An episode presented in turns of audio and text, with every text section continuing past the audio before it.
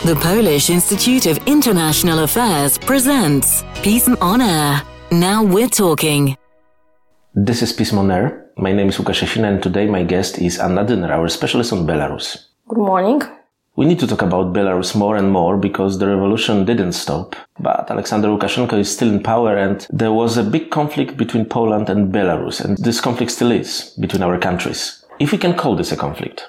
Many members of the Union of Poles in Belarus were arrested. Many of them were persecuted, especially two of them, Angelika Borys and Andrzej Poczobut, who are very important to the Polish knowledge on Belarus, are in prison. Can we define Poles who live in Belarus and they are Belarusian citizens as a hostages of Lukashenko regime? First of all, I wouldn't say that there is a huge conflict between Poland and Belarus because we cannot call it as a conflict, especially caused by Polish side.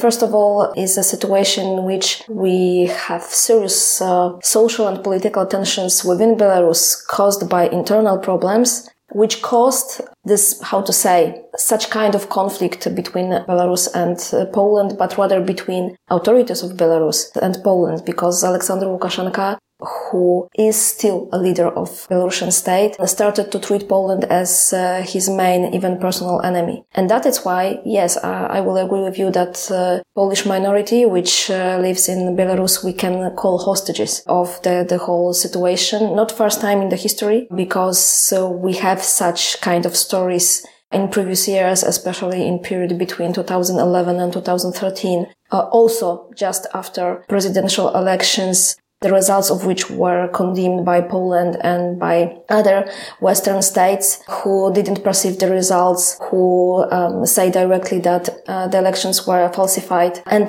because of the situation with huge repression after the election, the same story right now, but even worse, I will say, because nowadays we have a situation they were accused of serious criminal story, of a hate speech, of propagation of Nazism, because of which you can be taken into prison at least for five years, up to 12. So we can see that nowadays uh, such kind of decision was made in Minsk that uh, this independent union of Poles, because we also have to say that there are two of them in, in Belarus, one which is recognized only by Poland, this independent one, and the second one which is recognized only by Belarusian authorities.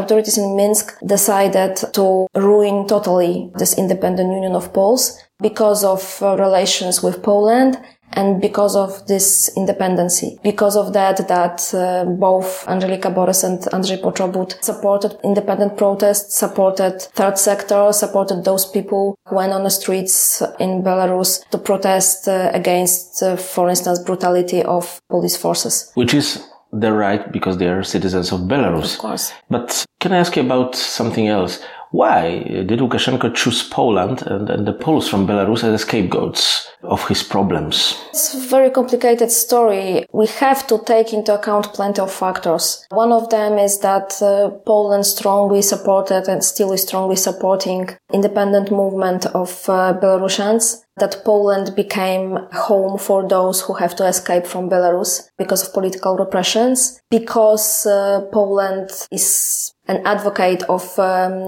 Belarusian people in international arena, uh, including uh, international institutions like European Union, uh, the UN, the OSCE. So um, that is why Belarusian authorities put Poland on the place of probably the main enemy of themselves.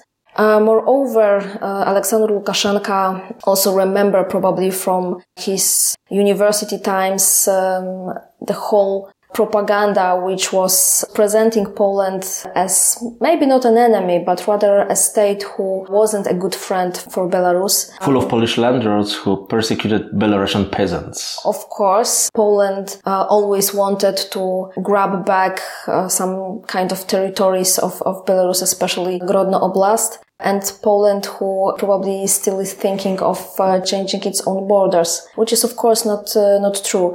But moreover, it was also a part of narrative uh, directed to Moscow. Belarus started to be under a serious pressure of Western countries, especially NATO, who was just thinking how to start the war. That Belarus was uh, under the pressure of, of Poland and Lithuania, who were thinking about how to change the political system there So that is why Lukashenko decided to put Poland the main uh, neighbor of, uh, I mean, of course, Ukraine and uh, Russia are bigger countries in comparison to, to Poland, of course, but the bigger Western neighbor of, of Belarus. Sometimes the persecution we, we've been talking about are the sign of weakening of dictatorship. Is it a sign of weakening of Lukashenko regime or maybe a strengthening of this? It's rather a sign of weakening Lukashenko regime, but still he has uh, the whole security sector on his side. Um, so that is why the level of brutality rised.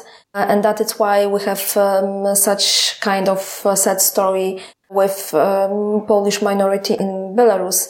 But still, even if um, Lukashenko regime is more and more weak in comparison to what was, I don't know, situation from last year, for instance, still it doesn't mean that it will collapse soon.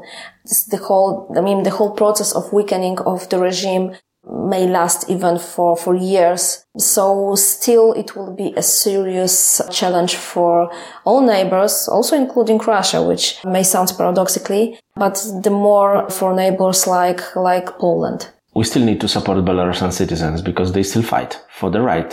Of course, of course, and Poland still is one of the main country who is doing this, also trying to persuade some, some other countries like the US, like uh, member states of, of European Union.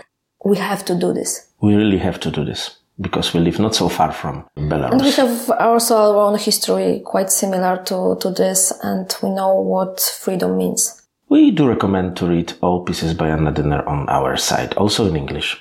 Thank you very much. Thank you very much.